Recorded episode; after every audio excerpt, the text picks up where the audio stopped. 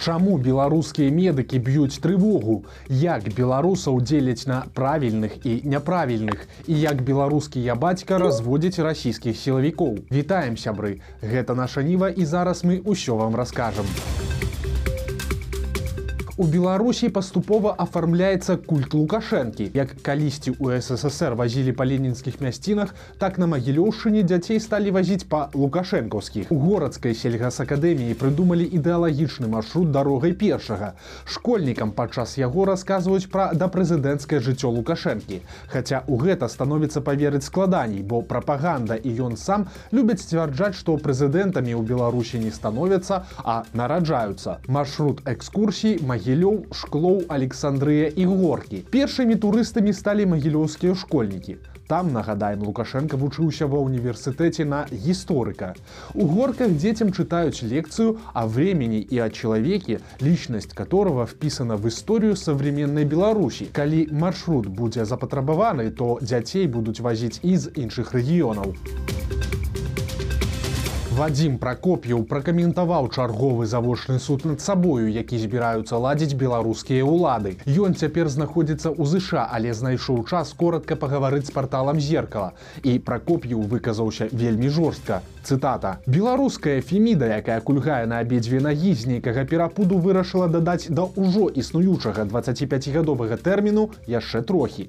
Рацыянальнага тлумачэння гэтаму ў мяне няма. Мабыць, у гэтым адчуваецца капрыс мастака, які заслужана атрымаў мянушку помслівы конец цытаты. Дарэчы у кожным разе калі беларускія следчыя пачынаюць чарговую завочную вытворчасць па справе яны прапануюць абвінавачанаму прыйсці да іх на допыт. Пракоп'ю не абмінуў і гэты момант дадаўшы што абавязкова прыйдзе. Але тут зноў цытата. Тады следчаму будзе не да мяне бо па тэлевізары будуць зноў даваць чайкоўскага прычым другі раз за тыдзень. Калі вы раптам не зразумелі апошнюю фразу то удакладнім. Гэта такі тлусты намёк на лебядзінае возера знакаміты балет круцілі па савецкім тэлебачанні ў складаныя моманты, напрыклад, калі паміралі генсекі альбо падчас путчу 91 -го года. Улады шчыльна заняліся беларускімі сем'ямі у прыватнасці жанчынамі і дзецьмі, але як звычайна ёсць нюансы. Пакуль па тэлебачанні абмяркоўваюць, як прымусіць беларусак нараджаць больш, шматдзетныя сем'і чакаюць некаторыя новаўвядзенні. Тое, што нешта будзе стала зразумела нядаўна. Спачатку Лукашенко коротко выказаўся, што трэба вывучаць шматдзетныя сем'і, бо усе яны розныя. Пасля тэму падхапіла прапаганда. Ігар тур з канала АНТ казаў, што трэба разбірацца з грашыма для шмат шматдзетных бо некаторыя маўляў дзяцей нараджаюць а пасля і на працу не ходзяць і за дзецьмі не глядзяць. Ну і гэтак далей. Гэта былі кветачкі а вось і першыя ягадкі. Журналісты портала зеркала заўважылі новы проект паправак у закон аб дзяржаўных узнагародах. Заўважныя змены закрануць правілы выдачы ордэна маці.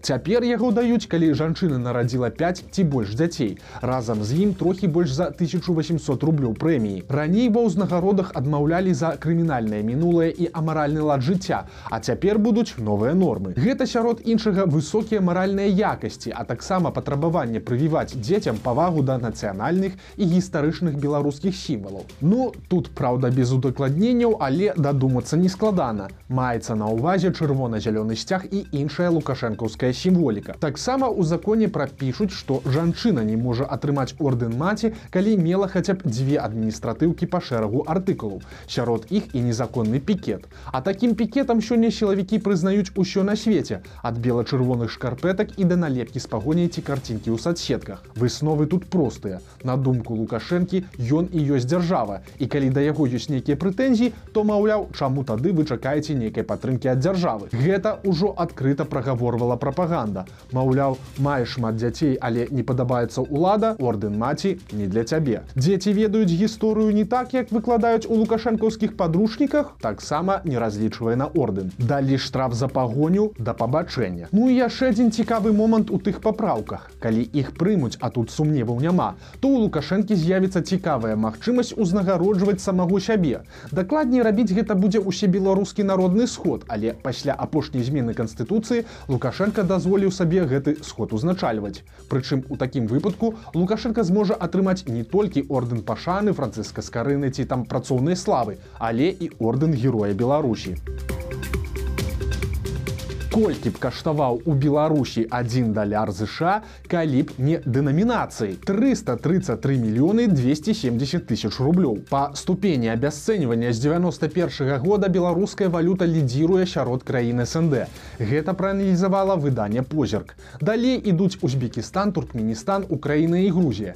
Найменш валюты абясцэніліся ў літве эстоніі і латвіі. І гэта лагічна. Гэтыя краіны пасля аднаўлення незалежнасці пайшлі па шляху да еўраінтэграцыі і даўно ўжо ў еўросаюзе такое вось дасягненне лукашэнкаўскай эканомікі. Сёння тым часам даляр пабіў новы рэкорд хоць ягоны курс вырас неістотна усяго на одну сотую копейкі медыкі і простыя беларусы б'юць трывогу. У аптэках і шпіталях зніклі імпартныя медпрэпараты. Гэта трагедыя для кожнай сям'і, дзе ад лекаў залежыць жыццё чалавека. Па гісторыях беларусаў, якія расказала радыёвабода бачна, што праблема комплексная. Хворых на анкалогію адпраўляюць да хаты паміраць, бо ў шпіталях бракуе шмат якіх лекаў. Медыкі не здольныя без іх запавольваць развіццё метастазаў. Праз праблемы з расходнікамі адкладаюцца дзіцячыя аперацыі. Беларусы не могуць атрымаць лячэнне ад гепатыту С, а ў аптэках патрэбныя прэпараты зніклі. Лекі даводзіцца шукаць самім сваякам за мяжою, але гэта патрабуе часу, які крытычна важны ў выпадку сур'ёзных захворванняў. Медыкі называюць прычынай не столькі санкцыі, колькі неэфектыўную і нягнуткую сістэму закупак. Праблема абвастрылася закрыццём межаў і пападаннем беларускіх банкаў пад санкцыі, але называць сітуацыю катастрафічнай лекары пакуль не спяшаюцца. Ці памятаеце вы псеўдаспецназаўца я бацьку Сергея Заслаўскага. Ён працягвае разводзіць сілавікоў, але на гэты раз ужо расійскіх. Тут нагадаем, што неаднаразова судзімы за разбоі мужчына, чыё сапраўднае прозвішча Аўтуховіч доўгі час выдаваў сябе за афіцэра ўнутраных войскаў і ставіў сусветныя рэкорды ў дысцыплінах, якія ён сам сабе прыдумляў. Актыўная падтрымка Лукашэнкі дазваляла доўгі час яму прабірацца ў кабінеты топ-чыноўнікаў. Пакуль вясною ён не трапіў на акрэсціна за за рэпост экстрэміскага контенту. За кратамі заслаўскі Аўтуховіч правёў 30 сутак, пасля чаго працягнуў займацца звыклай справай. Днямі ён апублікаваў відэа, як яму уручаюць ордэн гонар і абавязак расійскага саюза дэсантнікаў.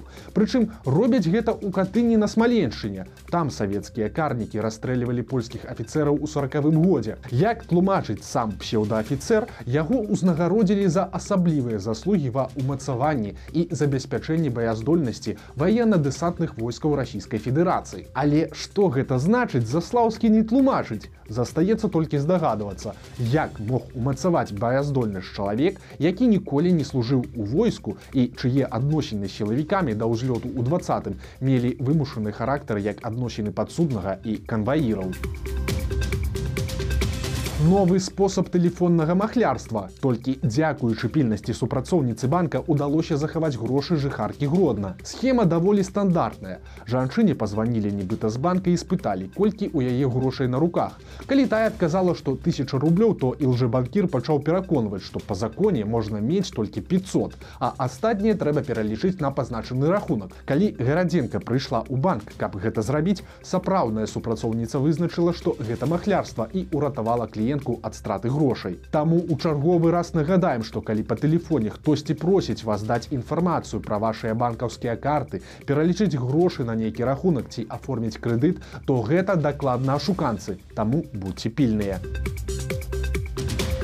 Чырвоны крыж зноў дамагаецца звальнення кіраўніка беларускай арганізацыі Дмітрыя Шаўцова. Нагадаем, ён летам ездзіў на акупаваныя тэрыторыі Украіны і раздаваў інтэрв'ю ў вайсковай форме з літарай Z, сімвалам расійскай агрэсіі. Цяпер міжнародная федэрацыя заклікала вызваліць скандальнага чыноўніка ад пасады не пазней за 30 лістапада. У зваротным выпадку пагражае спыненнем фінансавання. Гэта ўжо другая падобная спроба. Раней на час расследавання шаўцова патрабавалі хацелі часова адхіліць, але беларускі чырвоны крыж не прыслухаўся.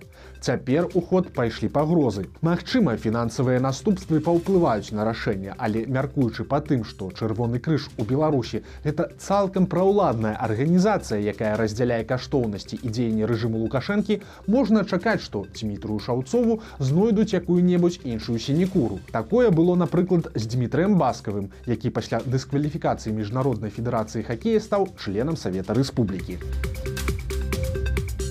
У баранавічах школьнікаў сагналі на паказальнае судзілішча. У адной са школ горада зладзілі выязное пасяджэнне суда. На лаве падсудных была беспрацоўная жанчына, якая скрала тэлефон у свайго знаёмага. У выніку ёй прысудзілі 300 гадзін грамадскіх работ.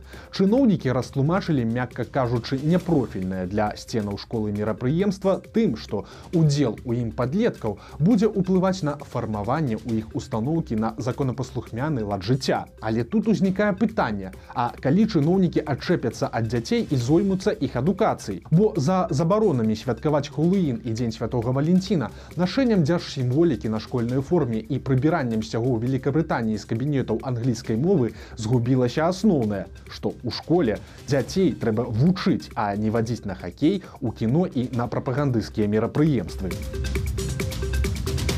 У магілёўскім раёне выраслі бананы, але гэта не дасягненне беларускай сельскай гаспадаркі. Проста у адміністрацыйным будынку агракамбіната зара доўгі час раслі пальмы. А тут цуд. Упершыню за 16 гадоў на іх выраслі плады. Пакуль яны яшчэ невялікія і зялёныя, таму пра іх смак казаць зарана. Ступень спеласці супрацоўніцы будуць вызначаць інтуітыўна.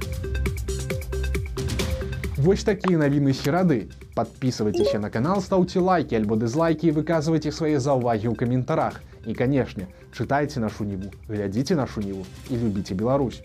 Сустрэнемся заўтра.